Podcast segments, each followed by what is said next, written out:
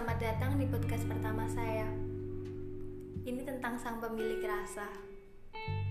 Kali ini saya akan bercerita tentang realita. Semenjak mengenal dia, saya sering kali berkata pada diri saya sendiri, "Oh, ternyata masih ada ya laki-laki baik seperti dia."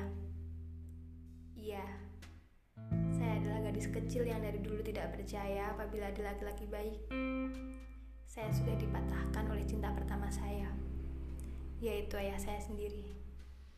Jadi menurut saya semua laki-laki itu punya seribu satu cara untuk meruntuhkan harapan-harapan wanita. Namun ternyata tidak dengan dia. Saya mengagumi caranya berpikir. Saya mengagumi caranya melihat dunia. Saya juga mengagumi kedewasaannya. Aneh memang.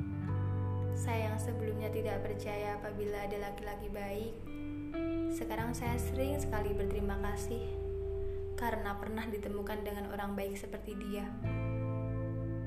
Tidak tahu kenapa, setiap saya berada di dekat dia, saya selalu berkata dalam hati, "Kamu beruntung pernah berada di dekat laki-laki baik hati sepertinya."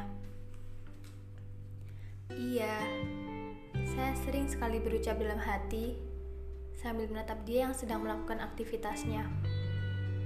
Dan sesekali saya berucap, siapa pun besok yang menjadi wanitamu, dia sangat beruntung mendapatkanmu. Kelak mungkin saya akan susah melepasnya, namun saya yakin semua yang terjadi besok adalah jawaban atas rentetan doa-doa saya dan dia. Untuk laki-laki baik yang sering saya banggakan di depan teman, keluarga, dan orang-orang terdekat, Terima kasih. Saya bersyukur pernah berada di dekat Anda. Terima kasih juga sudah membuktikan bahwa laki-laki baik itu ada.